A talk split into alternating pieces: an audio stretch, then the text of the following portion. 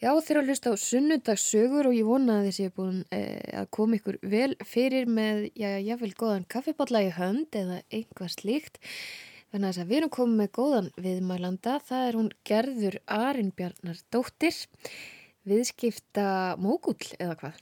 Já, takk fyrir þennan titil, ég tek bara vel á móti honum. Já, Já, ekki. bara takk fyrir að fá mig. Já, velkomin. Sko, ef við kannski svona förum aðeins yfir það fyrir þá hlustendur sem að þekki ekki nafnið, að þá ert þú kannski svona þekktust fyrir það að e, já, stopna búð sem heitir Blöss og er ennþá til, blöss.is, eða ekki? Jú, blöss eða blöss.is, já. Það er Já. sérst, þetta er bæði vefverslun og líka verslun í kópóinum. Þannig að við sér hafum okkur í sölu á kynlífstækjum. Einmitt. Þetta var svolítið svona tabú fyrst þegar ég var að byrja. En þið sjáu, núna er ég í viðtal á, stötu, nei, á rástöðu sem að hérna lítur allavega að vera að sína fram á það. að Þetta er orðið aðeins minna tabú að tala um kynlíf og kynlífstæki. Já, þetta er 2011 sem að þú stopnar eða opnar þessa verslun Já, og ég meina eins og þú segir, þetta var tabu, þetta var svona það voru, voru ykkur svona kynlífsverslanir e, út um allt en, en fólk vildi ekkit endilega sjást fara inn í þær. nei, það var svolítið svona pælingin með þessu öllu saman að því að þarna var ég 21 ás og mér langaði að kaupa mitt fyrsta kynlífstæki. Ég var ekkert nýja spennt fyrir þessu og hérna fór inn í svona verslun og ég uppliði eitthvað svona eins og ég var að gera eitthvað sem var bannað. og allt einhvern veginn svona vöru úrvalið og svona það gaf svolítið til kynna eins og maður verið að gera eitthvað sem væri dónalegt eða eitthvað svona. Ég allavega, ég tengdi ekki við vörurnar, ég var svona, ú, býtið, herðu ég, ég er ekki að fara að nota svona og eitthvað. Þannig að hérna flestir hefðu kannski bara fara á netið og panta sér eitthvað en ég stofnaði fyrirtæki. Þú bara fórst þetta- alla leið. já, tók þetta aðeins lengra. Já, en þú varst ekki nema hvað, gummul? 21, Þú varst 21. já, ég var mjög ung Já, en með stóra drauma að því að mér langaði að gera eitthvað magnað. Já, og ég vissi bara ekki að þetta er þið endilega því maður heyri svo oft sko að hérna þú þarfst ofta að reyna ímislegt þá til þú finnur svona réttan farveg eða eitthvað gangi upp hjá þér eða eitthvað svona. E, þannig að ég gerði kannski ekki alveg ráð fyrir því að tíu árum setna væri ég ennþá að selja víbródóra og kynlífstæki. En hérna, jú, jú, hér er ég og þetta er alveg opaslega gefandi og skemmtilegt starf og hérna búið að vera alveg opaslega krefjandi. Og gaman líka að sjá svona hvernig markaðurinn er búin að breytast svona bæði bara um allan heim en líka sérstaklega hérna á Íslandi. Því í dag er þetta ekki jafn svona mikið feimnismál og ætti heldur ekki að vera feimnismál því þetta er bara partur af svona kynheilbreyði við seljum ekki bara kynlífstæki við seljum líka smokka og sleipefni og fleira sem að margir myndi allavega flokka sem svona nöðsina vöru í kynlífinu sínu. En uh, þetta eiginlega má ekki vera svona mikil feimni. Þú veist, það þetta þarf að vera aðgengilegt og fólki þarf að líða vel með að kaupa sér kynlífstæki eða smokka eða eitthvað svona. En þú ert ekki hérna á kassanum í maturverslun að fela smokkan á bakvið kálhausinn og eitthvað svona. Það hérna, það er held ég svolítið liðin tíð. einmitt. Komum aftur tilbaka í það á eftir held ég, en mér langar svolítið svona að fara ennþá lengra aftur. Mér langar smá að komast að því hvaðan já, gerður kemur og hverju þú ert svona áður en að þú ferð að stofna þessa verslun. Já, ég hérna er sem sagt úr Kópóinum og var í grunnskóla þar og var svolítið svona, held ég, allt mitt líf svolítið svona leitandi. Ég var alltaf með óbærslega stórar hugmyndir en kannski passaði ekki beint inn í þar. Ég ætlaði að verða læknis og ég er rosalega hérna, takmarkaður námsmaður, ef að segja það. Þú veist, ég gekk aldrei vel í skóla en mér langaði samt að verða læknis, þannig að þetta passaði ekki alveg saman og svo hérna ætlaði ég að fara að læra hárgreðslu en ég er líka mjög veik í líkamannum, bara glýmt við mikil veikindi í, svona líkamlega. Þannig að það einhvern veginn passaði heldur ekki að því að hárgreðsla er bara mjög svona krefjandi líkamlegt starf Já. standa allan daginn og klippa og svona þannig að það einhvern veginn fellum sjálft sig og þannig að það voru svolítið kannski svona fyrstu árin mín, það var svolítið svona að reyna að finna minn farveg eða hvað svona mín hy- hylla í lífinu væri. Já, þannig að svona áhuga sviðsprófin í mentaskóla þau voru kannski svona flókin. Já, ég reyni fór aldrei í mentaskóla, eitthvað almennilega. Nei. Ég sérst að kláraði grunnskóla minn og ég segi oft sko ég fekk fimm í öllum samrættuprófunum mínum uh, sóttu um náttúrulega í öllum flottustu skólunum en komst ekki inn í neitt þannig að ég endaði á að sætta mig við að fara í FB sem er fjölbrytti brjóðaldi eh, sem að var síðan alveg dásamlegu skóli þannig að ég, þú veist, ég sé alls ekkit eftir að hafa farið þanga en einhvern veginn samt svona flosna bara upp og námi mjög fljóðlega og hérna einhvern veginn fann mig ekki í þessu Varst það kljást við lesblindu eða var eitthvað svona... Já, er bara, ég er mjög lesblind og hérna meira segja sko, bara ég, ég man ekki hvað ég var gömul því ég lærði að skrifa mitt eigið nafn sko. Ég var að setja stafsningavillu í nafni mitt bara. Já. Þannig hérna og þetta er eitthvað sem hefur alveg svona hrjáð mig og fyllt mér allt mitt líf og ég er mjög svona meðvituð um það að fátt sem ég geri skrifa ég eða, eða þú veist ég svona gef frá mér alls konar efni en það er oftast í vídeoformi eða tali eða eitthvað svolítið því ég skrifa mjög lítið.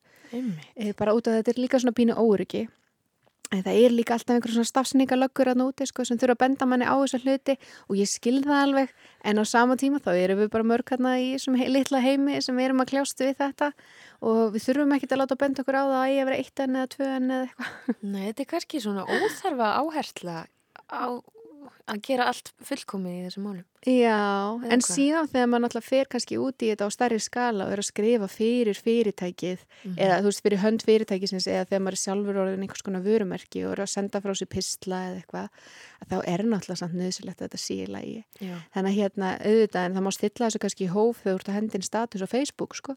Að samfélagsmiðlanir þeir svona fyrirgefa aðeins betur, eða hvað, kommentarkerfin eru nú ekkit alltaf Nei, svo á maður alltaf einhverja svona frængur á núti sem að þurfa að finna sér knúnar í því að benda þeirra að það. Er nú öfsjálón í fyrirgefðu eða eitthvað, þú veist, er ekki annars öfsjálón í fyrirgefðu?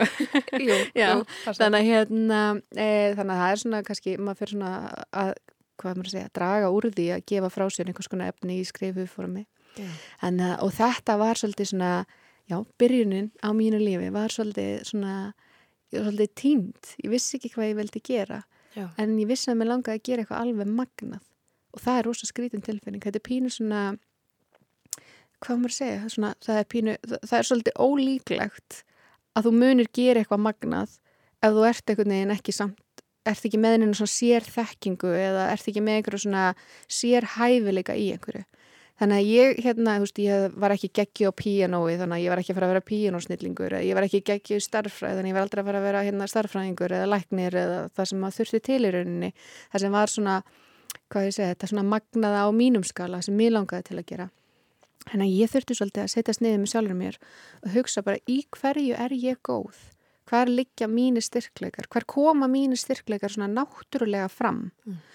Og það tók alveg svolítið en tíma að finna út úr þessu að því að í mörg, mörg ár þá var búið að um, hvað ég segja, svolítið svona gaggrína eða komið aðtöðasemtir fyrir það. Að ég talaði rosalega mikið og ég á mjög öðvöld með að tala. Og sömulegis að ég væri frek. Ja. E, þannig að ég talaði rosalega mikið og var frek og þetta voru mínu svona vestu ókostir í öllum svona fóreldra viðtölum og svona var alltaf verið að segja með mamma og pappa bara, oh, gerður hún talar aðeins svo mikið og það er aðeins að hérna og hún stjórnar alveg hópnum og eitthvað svona en þegar ég áttaði máði að þetta voru í rauninni mínur helstu styrkleikar að við þurfum einstaklinga sem eru góðir í því að stjórna mm. ekki á neikvæðan hátt, heldur að leiða hópin og þú veist, fá hugmyndir og koma þessu í framkvæmdir og að fá að fólk með sér í lið til að aðstofa við þetta og einstaklinga sem geta að talað Já. og þannig að ég tók þessa tvo veikleika eða sem flokkast sem veikleikar í, á mínum yngri árum og gerði þá að mínum styrkleikum og masteraði þá. Og það er held ég eitthvað sem að kemur til þess að, ég næri rauninni einhverjum árangri eins og í fyrirtækjarekstri. Að því eins og ég segja á þann ég hef enga möndun á bakvið mig í þessu og ég er oft spurðaði hver er þinn bakgrunnur? Og þá segir ég bara já ég var nú lindaskóla. Þú veist hérna grunnskóla minn.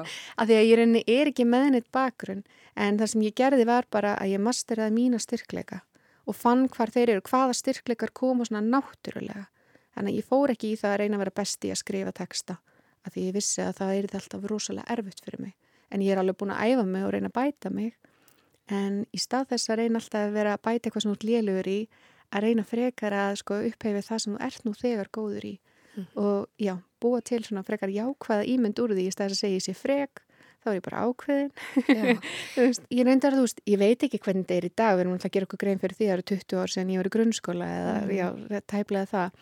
En hérna, en allavega svona þessum tíma þá er alveg svona mjög reglulega talað um að að fólk veri frekt en ég held að í dag og ég vona að þá sé frekar að tala um sko fólk sé ákveðið eða það hefði leiðtóa hæfileika eða eitthvað svoleiðis. Mm -hmm. og sérstaklega þegar við erum fann að sjá krakka sem að hafa áhrif á bekkin sinn eða umhverfið sitt þar sem að einhvern tekur ákverðum að gera eitthvað og allir í hópnu fylgja með. Það sýnir bara að þú hefur einhvers konar svona x-faktor eða einhver svona, svona leiðtói hæfileika. Þannig að fólki langast til að fylgja þér og langast til að gera sem þú ert að gera því það er eitthvað. Og ég til dæmis mann svo vel eftir að þegar ég var í grunnskóla þá var hérna að tala svolítið mikið um hérna að hætta með þessast alltaf á ársatíðunum það var alltaf svona fröka nýjundabekkur og hérna fallegasta brosið og eitthvað svona. Og það var að vera að gaggrýna þetta rosalega mikið á þessum tíma sem ég er í grunnskóla. Að þetta væri í rauninni bara verið að svona kannski jafnvel bara stuðlað einelti eða fólki liði illa með þetta eða eitthvað svona. En svona ég tók eitt jákvætt út úr þessu að því á þessu tímabili var ég svona hvað ég segja, tæp námslega séð, var þess að ég segi, fekk fimm í öllum samrættu prófunum mínum Eh, og ég uppliði mér svolítið svona eins og ég væri kannski þá bara ekkit góð í neinu og ég vissi ekki alveg nákvæmlega hvert, hvert ég ætlaði að stefna í lífinu. En svo kom að því að ég verið tíundabæk og hérna og ég aftaði mikið á því hvað þetta myndi hafa mikil áhrif á mig en ég var kosin bjartasta vonin. Þannig að skólinn kaus mig bjartustu vonina. Og þú tókst það bara í hjartastað? Og ég bara, og ég ennþá í dag hugsaði svo mikið bara, vá, spáði hvað litli hlutinir í lífinu geta stundum haft bara, bara langvarandi áhrif, Já. bæði ákvægt og neikvægt, en í þessu tilfelli þá var ég bara, vá, þau sjá eitthvað við mig. Já. Ég fekk samt fimm á öllum samrættuprófunum, en þau heldu því samt eða trúðu því að ég yrði eitthvað. Þannig að, hérna, Þannig að þér hefur gengið vel félagslega og það hefur einhvern veginn ekki náða að brjóta alveg niður sjálfsmyndina þó að, að námið hafi reynst erfitt. Já, mér gekk alveg ágætlega félagslega og ég átti alltaf vini og svoleiðis náttúrulega bara misjamt samt kannski eftir tímabilum í skólanum svona, ég held ég hafi bara verið svona meðal þú veist, í mm. hérna vanandi vini og svona, en ég held að það hafi verið meira bara svona kraftur eins og ég tók þátt í öllum söngvakeppnum og ég var hérna í upplestrakeppninni og ég var formaður grænflagsnemdar og veist, ég var alltaf einhvern veginn svona að trana mér svolítið áfram og taka þátt í hlutunum mm -hmm. e, hvort sem að það hafi verið vinsaltinn á skólans eða ekki Greinilega, það hefur eitthvað, eitthvað Þannig að hérna En ég held að það hefði kannski einmitt líka verið bara, ég var hávær og ég var ábyrrandi og eitthvað svona sem hefði kannski kveikt þetta eitthvað og, og ég tók þetta náttúrulega bara sem betur fyrr sem eins og þetta væri bara eitthvað þau hafa trúa mér og nú þarf ég að standa mig í lífinu. Ég er að sanna þetta fyrir fólkinu mínu. Ég enna, getur eitthvað orðið úr stelpunni sem að fjall eða fekk fimm í öllum samrætuprófunum og var vanalega með einn eða tvo í stafsendingu sko. Þetta hefur greinlega verið e, kröftugt spark í ræðsinn þar sem að, að hérna, það hefur heldur betur ræst úr gerði Arin Bjarnardóttur. Já, það hefur gengið ágætlega. Þannig, en svo er það samt líka annað. Þetta er náttúrulega bara langklaup og maður er einhvern veginn, það er ekki þannig að það hefur alltaf gengið rosalega vel eða eitthvað svoleiðis. Heldur er þetta meira eitthvað sem maður er búin að vera að undubúa og vinna í eins og bara þetta fyrirtæki sem ég er með núna plus. Ég er búin að vera að vinna í þessu fyrirtæki í tíu ár.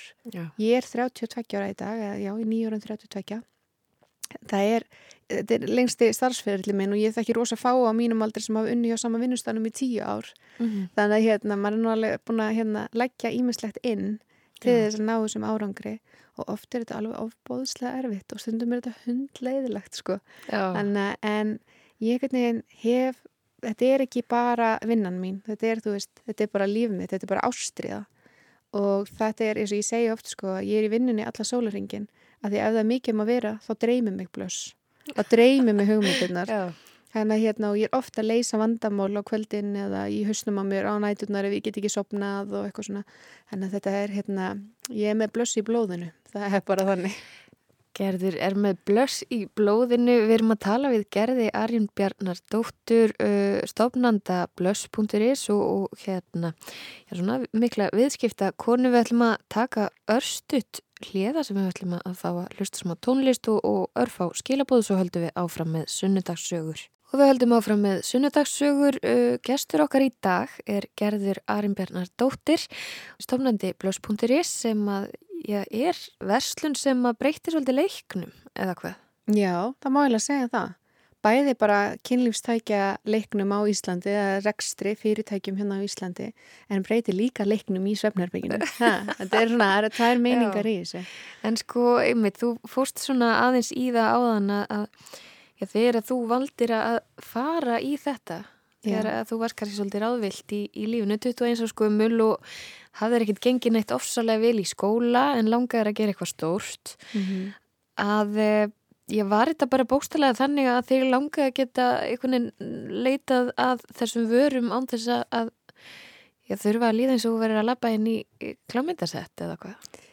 Já, að hluta til. En síðan alltaf kom upp alls konar svona þegar maður fór að skoða þetta og maður hugsaði bara, vá, hérna, að því í kringum mig var fullt af fólki sem átti kynlífstæki.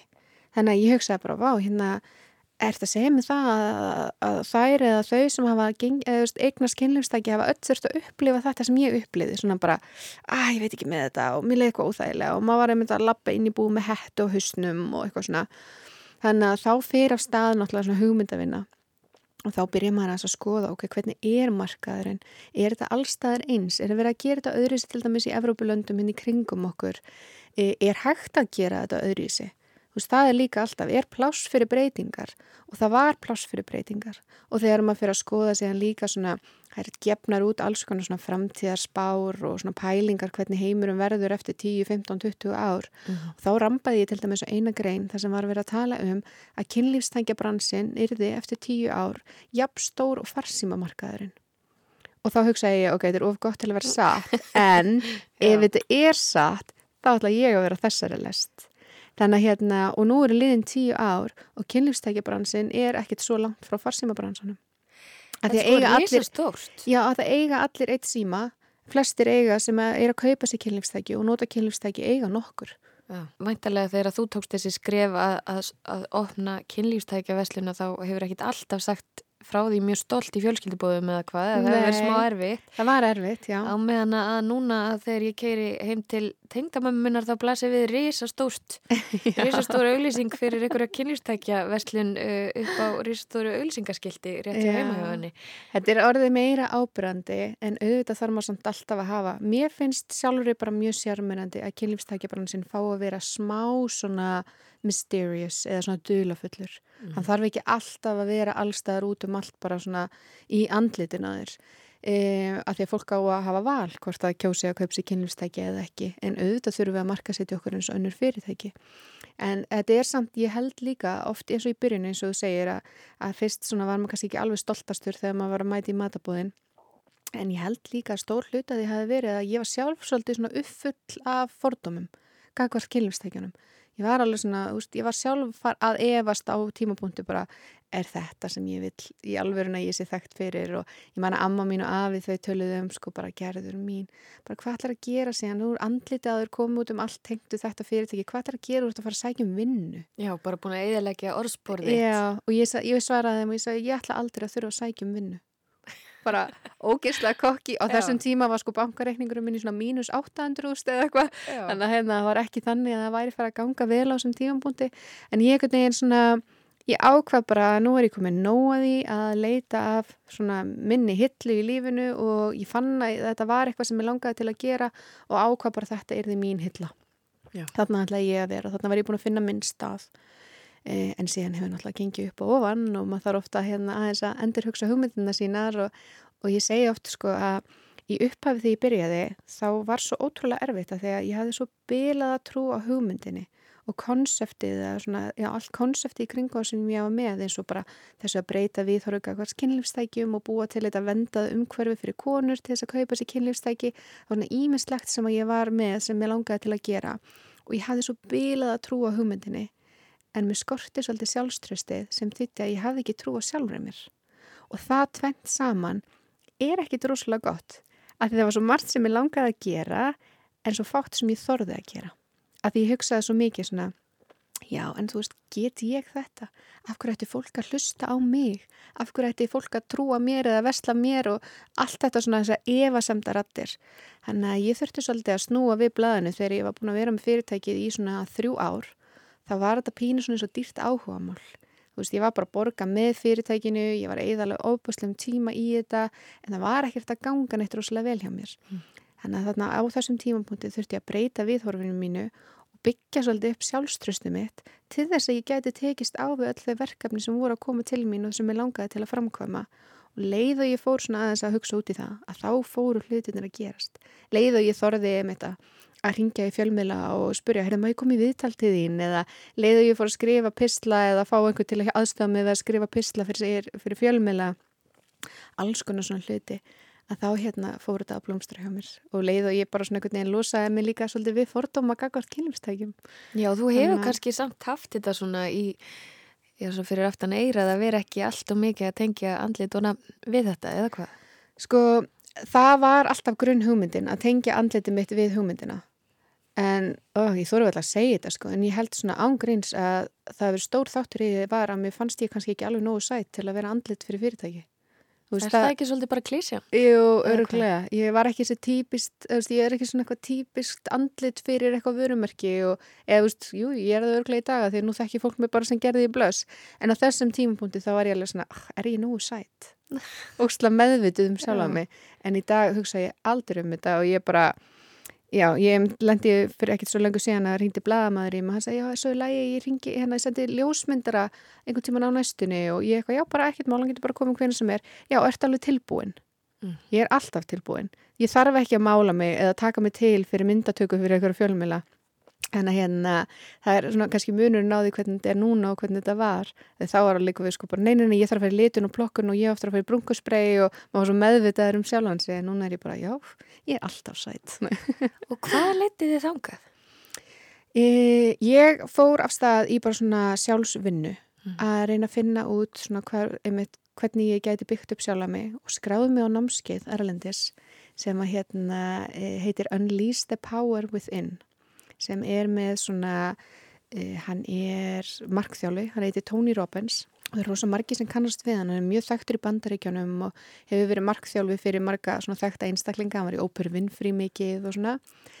Var ekki erfitt að komast að?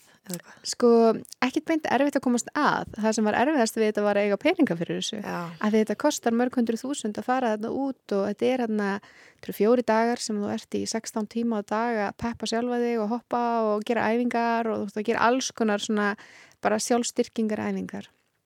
En ég kom heim og mér leið eins og ég gæti sigrað heiminn. Þessi tilfinning að þetta er bara svona allsælu tilfinning. Mér leið bara eins og e, þú veist, ef einhver á að geta þetta þá er það ég, þú veist, það var alveg þannig. Þetta voru fjórir, bara fjóri dagar. Fjóri dagar. Og einhvern veginn næra hann svo vel til fólks og hann næra einhvern veginn snúa viðhorfinu alveg við, bara hafði trúasjálfur og og hann fer alveg svona allan skalan, hann svona, svona spurningar eins og sko hérna hvað langaði þetta, hver, hver er draumurðin og þú svarar því og svo hugsa hann ok, en ef þú gerir þetta ekki, hvernig mun líf þitt líta út og hann fer með þig á svona svörtustu staðina og þú hugsa bara oh my god, nei, mér langar ekki að lifa í þessu lífi. Þannig hann finnur svona drivkraftin í þér með að sína þér sásökan og þetta var ótrúlega skemmtilegt. Alveg það skemmtilegt að ég er búin að fara þetta sama námski fimmsunum samanámskeiði að því hvers skipti sem ég fer þá er ég alltaf að díla við eitthvað nýtt Já, hérna. hvort sem það er í persónulega lífinu eða fyrirtækinu, ástasambandinu eða eitthvað, Já. að því að þetta er svolítið svona æfingar sem þú getur implementa á það vandamáli að þann hvað maður segja, bara það líf sem þú ert að díla við akkurat eins og staðan er í dag og þetta er eitthvað sem að ég myndi bara, ég get alltaf mælt með fyrir alla en þetta er þetta kannski eitt fyrir alla, það er ekki allir sem myndi nenn að gera þetta, ferðast um heimindi þess að fara á þetta námskeið En ég tók þetta allarleið og ákvaði að skrá mig í heilt ár á þetta námskeið.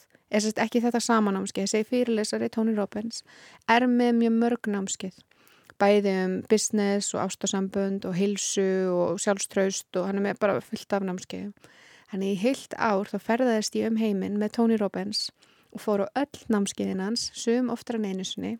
Hreinsaði bara svolítið til í kollinum á mér. Af því að við erum öll með eitthvað sem þarf að laga eða bæta hvort sem það er viðhorf eða gildi eða eitthvað og með því að fara í gegnum þetta þá lærði ég svolítið að elska sjálf mig upp og nýtt og lærði að meta líka bara annað fólk miklu betur. Í dag upplifi ég einhvern veginn miklu meiri samúð, þú veist, ég auðveldra með að tengja við fólka því ég veit hvað sásöki er og ég veit hvað einhvern veginn, hvernig fólk dílar mismunandi við erfileika og sásöka. Þannig að hérna bara svona öll samskipti er einhvern veginn, maður svona lærir að fínpúsa samskiptin sín og ég allavega bara get ekki gert neitt annað heldur en að mæla með þessu að þetta var æðislegt en líka bara ævintýrið að vera einn að ferðast um heiminn, ég fótt til Indlands og Dubai, Abu Dhabi já. út um allt í bandaríkjunum, Evrópi líka Er þetta hægt fjárhagslega?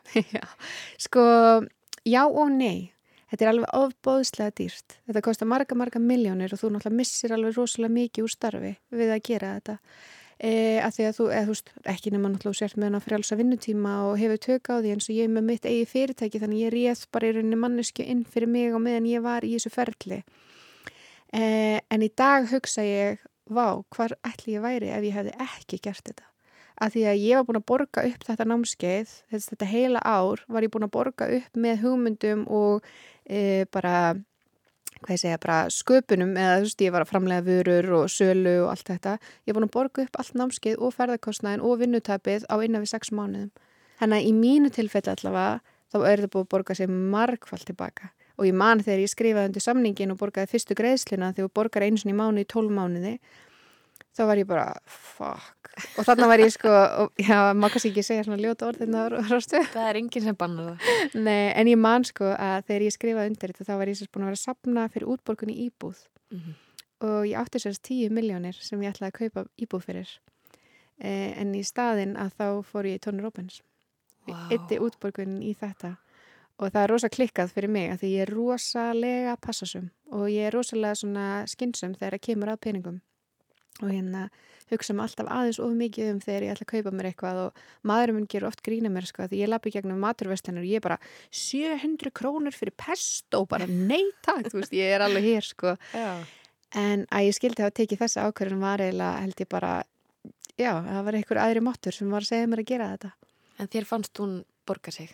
Alveg miljón prósent og ég er alveg íhuga að fara aftur að gera eitt svona ár, taka aftur sama prógram aftur En finnst þér þetta ekki vera þannig að þú sést þá bara búin að læra þetta og getur bara rifið þetta upp mm. heima? Nei, að því að þú veist, ertu einhvern tíma búin að læra og þróskast og einhvern, ég fattir þú veist, þú ert einhvern veginn alltaf sjálfsvinna er ekki eitthvað sem þú gerir einu sinni.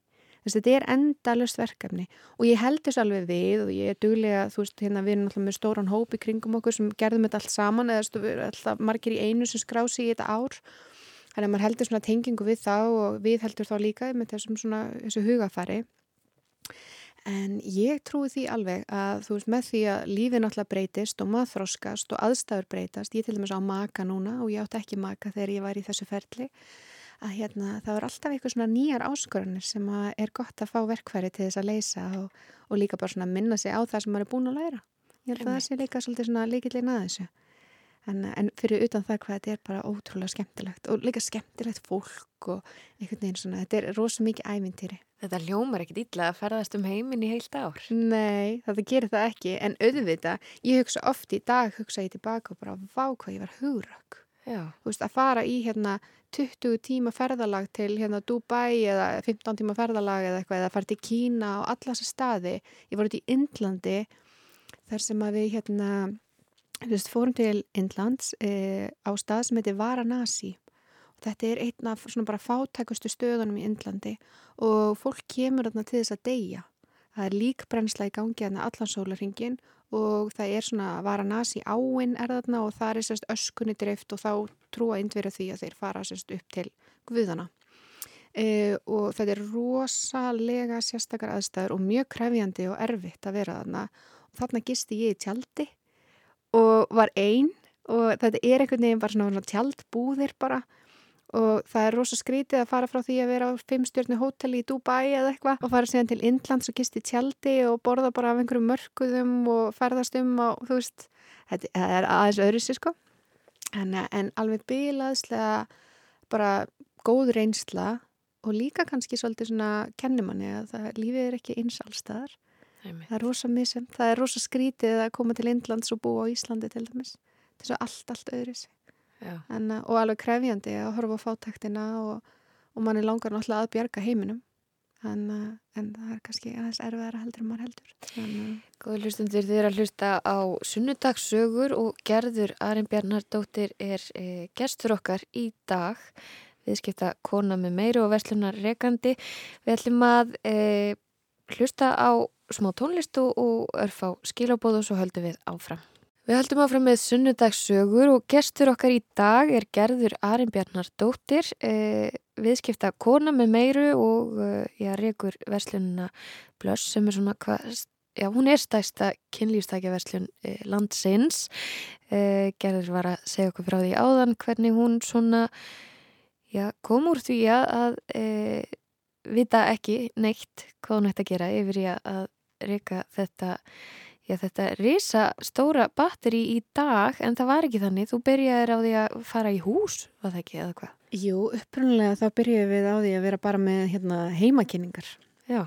og við vorum tvær sem stopnum fyrirtæki uppræðlega, ég og Rakel Orradóttir vinkonu mín og síðan alltaf eins og ég sagði við ykkur á þannig að þá var þetta svo dýrt áhuga mál bara þannig að hún fór bara að finna sér eitthvað annað að gera og þar sem hún fengi einhverja tekjur sko og ég ákvaði einhvern veginn að halda áfram með þetta en jú, við byrjuðum með heimakynningar og þá fórum við í hús og vorum að selja kynlefstæki í svona gæsapartíum og saumaklúpum og svo leiðis og það var ótrúlega gaman en rosalega mikil vinna. Það var alveg bara að þurfa að fara allar helgar með rísastóra ferratösku og kynna og vera ókslega hress og skemmtilegur og svo pakka saman og fara í næstu kynningu og næstu kynningu og svona. Þannig að þetta var ofta alveg mjög mikil keistla því að ég var í fullu starfi á virkumdöfum og svo var ég í þessu allar helgar og með barn þannig að hérna Já, þú varst með barn Já, ég á strák sem er 12 ára Já. Þannig að þetta var alveg mikil keistla fyrst þess að byrja með en ég held að sko það stopnar engin fyrirtæki og það er ekki smá auka vinna fyrst þess að byrja með held að þetta sé mjög fáir sem að hérna, komast hjá því að þurfa að vinna ekstra, ekstra mikið fyrstu árin. En á eh, síðan kannski svona þegar að fyrir að ganga vel og komi smá svona stöðuleiki í fyrirtæki þá getur maður kannski aðeins svona dreyið saman. En ég held samt að það sé alltaf 150% vinna á fyrirtæki saman hvað sko. Alltaf á vaktinni. Þannig að ég lakka allavega mjög til þegar ég fyrir að vinna 100% starf þetta er alltaf í hausnum á manni Já. þannig að hvort sem ég sé kannski á staðnum eða siti við tölvuna eða bara þegar maður er heima eða horfa sjónvarpið eða eitthvað þá ertu samt einhvern veginn alltaf svona grípa hugmyndir og sjá eitthvað svona já ég geti gert þetta eða þessi væri skemmtilegur að koma í hérna lið með okkur eða eitthvað svona já.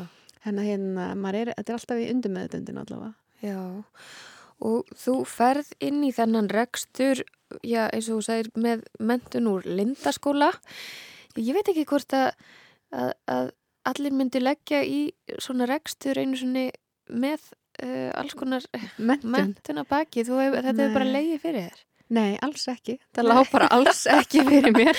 já, já. En ég segi samt líka alltaf að síðustu tíu ári bara búið að vera eins og eitt góður skóli og rosa dýra á tímabili þegar maður var að byrja og var að gera all mistökinn En ég trúi því að ef að fólk er tilbúið að læra af mistökunum að þá getur þetta verið frábær leið.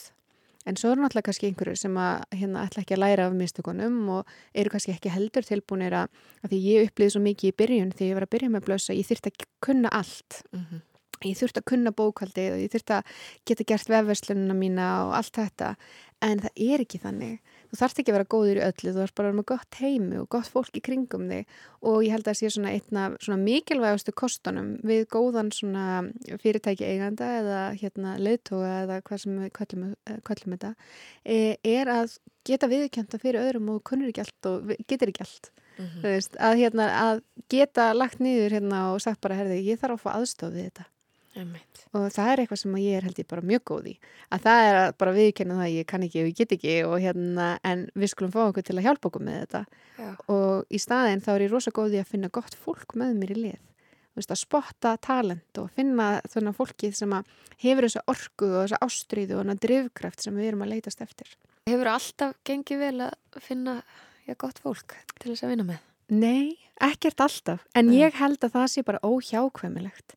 Að þegar þú ert með stórs fyrirtæki, þú ert með margt fólk í kringum þig og þú ert að prófa alls konar nýjar hugmyndir og þess aftar, að þá sjálfsögðu stundum kemur það þannig upp að þú annarkvört e, hefur ekki ráðið talentið sem þú helst og væri að ráða eða það kemur eitthvað upp á hjá viðkomandi eða kannski ég er bara ekki nægilega fær til þess að stjórna veist, þessum teimi eða eitthvað svona En, og ég held að það sé eitthvað sem að held ég lang flestir lenda í á einhverjum tímapunkti er að það verður einhvers konar svona hvað ég segja, misræmi eða að það verður einhvers konar árakstrar eða eitthvað svo les e, og það er eitthvað sem að í rauninni eins og ég segi, er held ég óhjákvæmilegt þegar þú ert að stunda viðskipti eða með margt fólki í vinnu.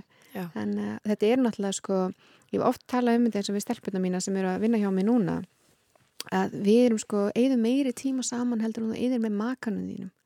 Auðvitað getur eitthvað komið upp á. Já. og við erum ofta vinnundu miklu álægi mikil streyta og eitthvað svona. Þannig að við erum til dæmis í dag erum við með svona vinnustæða sáttmóla það er til þess að koma í veg fyrir það að koma eitthvað fyrir. Og það er líka pínu sko ég fer frá því að vera með hérna rekstur sem var í íkæðakomóðinu heima hjá mér í það að vera alltaf hinn með tíu starfsmenn. Ég er engin mannuðstjóri ég er ekki vön að vera með fullta fólki í vinnu og veit ekki hvað ég þarf að spá í og hugsa úti og auðvitað ger ég mistöku eins og allir aðrir. Um, en við, í dag erum við með þannig að við erum með svona vinnustæðasáttmála og vinnustæðanum okkar sem þýðir að hver og einn ber ábyrð á því að hafa gaman og líða vel í vinnunni. Það er ekki á mína ábyrð auðvitað ber ég ábyrð á því að gera mitt besta en hver og einn ber ábyrð á sér og það hefur stundum alveg myndast svona pínu eins og, eins og hérna, það sé einhver annar aðili innan fyrirtækisins sem er að sjá til þess að sé gaman hérna, skipuleikja skemmtanir eða eitthvað svo leiðis e, en þetta er svolítið, við erum hópur og við erum hérna, eigum að vinna þetta saman og í dag er það bara þannig að það er bara skilda ef það er eitthvað sem þið mislíkar eða kemur eitthvað upp á eða eitthvað að þá þarfst að ræða það við þinn næsta yfirmann eða koma til mín og tala við mig. Já. þannig hérna þess að leysa vandamáli strax í byrjun en þetta verði ekki eins og okkur mikla sem að síðan bara dreifir úr sér út um allt. Og ég hef myndið verið svolítið að ræða þetta við vinkonum mína sem eru myndið líka í fyrirtækjarækstri eða eru með starfsfólki í vinnu að það er svo hættilegt þegar maður ætlar svona að reyna kannski hérna, að hunsa eitthvað vandamál og svona að ég, herði, ég ætla bara ég ætla að býða þess með að ræða þetta viðvikomandi eða eitthvað að því það verður svo miklu miklu stærra vandamál eða færað grassir eða verð eitthvað Já það Anna. getur bara bókstallega eðalegt mikið innan fyrirtækis, eða það ekki? Jú það getur gert það og getur verið mjög erfitt líka að leysa úr því en, hérna, en þetta er eitt af þessum verkefnum sem eru bara krefjandi en skemmtileg og lærdomsrík að því að þegar maður lendir í því að það kom upp erfiðar aðstæður innan fyrirtækis, sérstaklega í starfsmannamálum, að þá sér maður hvað það er mikilvægt að halda vel utanum þau og passa upp á öllum líði vel eða gera sitt besta til þess að búa til sem, hvað maður segja, jákvæðasta og bara svona uppbyggilega svona starfsumhverfi.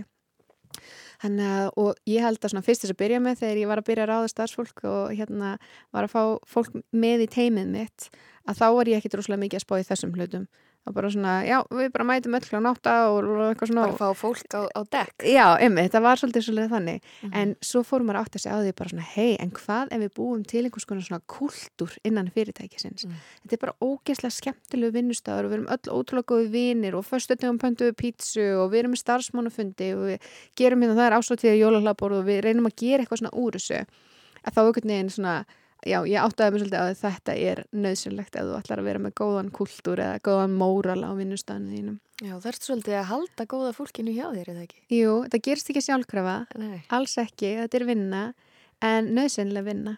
Og líka held ég að eitt af því svona bara, ég horfi oft aftur í tíman og hugsa svona, þú veist, að það sem hefur verið erfitt er oft það besta sem hefur gæst að því þá ítir það manni svolítið, veist, hvort sem það er fjárhásleir erfileikar eða einhverju erfileikar í rekstrinum annars vegar eða starfsmannamálum eða eitthvað, þá ítir það manni svolítið til þess að fara hérna út fyrir ramman og bara prófa aðra, að, aðrar aðferðir. Mm -hmm. hérna, og nálgast fólk öðru í sig, að því svo er það líka annar kannski með tíu starfsmenn í vinnu e, eða einstaklinga í vinnu og þeir eru allir að leitast eftir sikkoru svona, bara hvað maður segja, svona þessari sikkoru fyllingunni.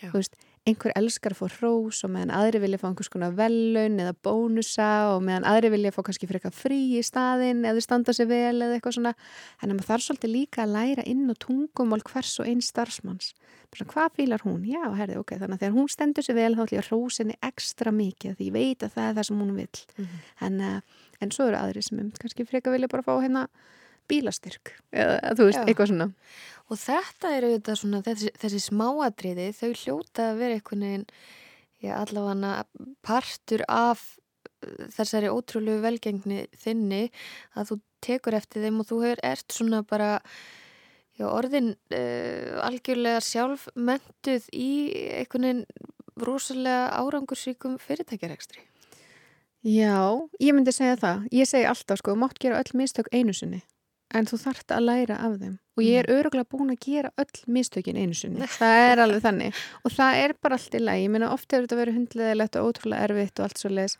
en ef maður lærir af flutunum þá verður það miklu miklu betra. Og ef maður ætlar sko að gera miklu betur ekki bara að reyna að bæta úr þessu heldur, gera miklu betur heldur en þú veist mm -hmm. mistökin voru, þá gerist eitthvað dásamlegt. En, uh, og eins og í dag til dæmis bara að Blöss er fyrsta og eina kynlumstækja fyrirtæki sem hefur hlutið viðkynningu sem framúsgarandi og fyrirmynda fyrirtæki og við vorum að taka við núna viðkynningu þriðja árið okkar er röð. E, og bara svona, já, heilt yfir myndi ég segja að þetta fyrirtæki væri framúsgarandi. Við vorum tilnemdi fyrra sem besta íslenska vörumerkið það eitt og sér er líka bara svolítið svona vá, herði það var bara domnemd og bara blöss var valið í eitt af þessum fyrirtækjum, við unnum ekki Nei. en við tókum þátt Það er svolítið alvöru. En, það er alvöru og þetta var alvöru keppni því það fóru margi, margi klukkutímar í það að skila inn skýslum og alls konar sem þurft að, taka, hérna, vera meðferðis fyrir þessa keppni Mm. þannig að hérna, við erum bara ótrúlega stolt að ég að fá að taka þátt í þessu Mm. en, en þetta er allt saman bara að vinna á lærdómur og, og ég er ennþá að læra sko. ég er ekki, ég er ekki útskrifuð Nei. en uh, Gerður Arin Bjarnadóttir er gestur okkar hérna í sunnudagsögum. Við ætlum að halda áfram hérna rétt á eftir. Þá heldum við áfram með sunnudagsögur og uh, Gerður Arin Bjarnadóttir er hér hjá mér. Uh, hún hefur verið að segja okkur frá já, voðalega mörgu tengdum fyrirtækjarekstri, hvernig það er að fara af stað í fyrirtækjarekstur, já, kannski ekki með margt í uh, farteskinu en greinilega hæfileika og, og hérna uh, eitthvað neista en mér langar svolítið að spyrja þig bara svona, þú veist, út frá þessu er ekki bara alltaf allir að spyrja þig um kynlýsráð? Jú, ég fæ alveg það er hérna alveg ábyrjandi eins og þegar ég og kærasti minn byrjuðum saman þá hló hann svo mikið á því að því að þegar við förum eitthvað saman í partí eða afmæli eða eitthvað þá einhvern veginn tvístrust við alltaf ég enda einhver staðar út í hotni með stelpunum Já. og hann er einhver staðar annar staðar sko, því það endar, jú, það verður mjög oft tilneging til þess að fólk er að spyrja mig út í e, tæki eða hvað er að gera eða kaupa eða eitthvað svo leiðis Já. E, auðvitað er það samt bara partur af starfinu. Þetta er mjög gaman og ég hef náttúrulega brennandi áhuga á samskiptum kynjana og bara svona ástarsamböndum almennt og allt tengt kynlífi. Þetta verður bara ástriða hjá manni þegar maður vinnur í þessu. En stundum þá er þetta alveg hérna þreytandi sko. Ég hérna, hef alveg lendið í því að vera tekin á trún og í einhverju babysjáður eða eitthvað þar sem ég bara, herri, ég er bara hérna að fagna að komi barsins og hérna Já, er, get, getur þetta ekki bara litað þitt persónulega líf þannig að, að þú vilt ekki blanda vinnunni inn í engalífið og, og fær bara nóg eða hvað? Jú, en sko, það er samt einhvern veginn, þetta er, þetta er ekki þannig e, rekstur eða hérna fyrirtæki að þú getur bara slögt á klukkunum þú kemur heim. Veist, það er hérna, þú ert ekki bara búin klokkan fjögur og þá hættur að hugsa um kynlíf og kynlífstæki. Að því ég á náttúrulega líka mitt persónulega ástarlíf og þú veist, það er ímislegt sem þarf að hafa í huga þar. En það er bara einhvern veginn, ég held að maður þurfi bara að læra svona smátt og smátt hef ég lært að setja fólki líka pínu bara svona mörg veist, mér finnst alveg ofbúslega gaman að tala um þetta við fólki sem er í kringum mig og allt er lægi eins og vinkonur og svoleiðis e, allt er lægi að taka létt spjall við ókunna svona eitthvað, já ok, geggja en gaman að heyra þetta sé uppbólstæki þitt og eitthvað. En að setja um fólki mörg og segja sig bara já ok, veistu, þetta er kannski eitthvað sem ég myndi bara kanna hvort að hjónabandsrákjafi geti leist eða, eða hérna, já, eru þið búin að kanna með svona eins og kynlífsmark þjálfa þú veist, það eru markþjálfur á Íslandi sem taka að sér svona ráðgjöf og einhvað svona. En, uh, en Er það ekki kannski bara máli að fólk hefur ekkert vitað hvert það gæti leita? alveg pottjátt, alveg pottjátt og það er alveg, þú veist það er að bætast í hópin, það er alltaf verða fleiri og fleiri sem er að taka að þessi svona sérstaka ráðgjöf tengdu kynlífi, en það er líka þannig að 90% pörum til dæmis sem leita sér aðstofar hjá hjónabandsráðgjöfa eða svona pararáðgjöfum er að glíma við vandamála einn eða annan hátt í svefnherbygginu Já, hérna. og það er alveg talað um það að 60% af pörum upplifa á einhverjum tímapunkti í sambandinu sínu vandamála svefnherbygginu og þá erum við að tala um eins og svona óuppfölda væntingar eh, annar aðalinn veit stunda kynlíf oftar heldur en hinn eh, eitthvað svona eh, eða vil stunda öðru í sig kynlíf eða eitthvað svo þannig að hérna, oft er þetta ekki vandamál sem er erfitt að leysa oft er þetta hægt að leysa bara með auðvöldu samtali eða setja upp einhvers konar plan eða einhvers svona verkfæri sem þið geti nýtt ykkur. En já, stundum getur þetta verið kannski, kannski aðeins dýbra vandamál en kannski eitthvað trama eða eitthvað sem hefur allir því að kynkvötin hefur kannski horfið eða eitthvað. En, eh, en ég hef mikla þekkingu á þessu og ég hef rosa gaman að tala um þetta og ég er líka með veist, held út í podcasti sem heitir Ástriðukasti þar sem við erum að gefa alls konar ráð og verkfæri fyrir einstaklinga sem að bara bæði í ástasambandi en líka fyrir þá sem er einhleipir og svona. Þannig að það er kannski líka kannski ástæðan fyrir því að fólk leitar til manns. Það horfir á mann og svona já hún hefur einhverja þekkingu á þessu hún er búin að vera í þessu og, og hérna og ég náttúrulega er markþjálfi. Ég er svo sem ekki auðlistað að verið að nýta mér það eða eitthvað slags en það er eitthvað sem að er svona alveg góður bakgrunnur þegar maður er að ræða við fólk Já. Og fólk greinilega svona mm, dregst svolítið að þér. Já, það hérna, ég held að fólki líði bara svona örugt með að tala um kynlífið með því það hugsa líka hún er potið búin að heyra allt þannig að mitt vandamál getur nú valla verið svo svæsið sko. en, uh, en talandi um það, þú ert markþjálfi ásamt því að vera fyrirtækja eigandi og rekandi mm -hmm. uh, hvar sérðu þig fyrir þér svona í nánustu framtíð og, og jáfnvel aðeins fjarlagri framtíð? Ætlar þú bara að halda þessu áfram og gera það fullri ástriðu áfram eða ert eitthvað farin að hugsa annað? Sko, já, ég er, sérst, núna er ég að bæta við mig og er að taka sérst svona love coach, svona sérstakt, þetta er svona markþjóðlan program sem maður getur þó tilla sig sem svona relationship coach. Mm -hmm. E, þannig að mér finnst bara fínt að hafa það svona í pókahóðninu þannig að ef á einhverjum tíum punkti að því að mér finnst gaman að halda námskeið og fyrirlestra og hefur verið að gera mikið af því að það er ágætt allavega að vera búin að hérna klára þetta. Ég stefnaði að klára það eftir áramót þetta er svona, þetta tekur, þetta er svona cirka hálft ár, eða svona átta mánuðir sem að tekur að ná sér í þessa e, gráðu.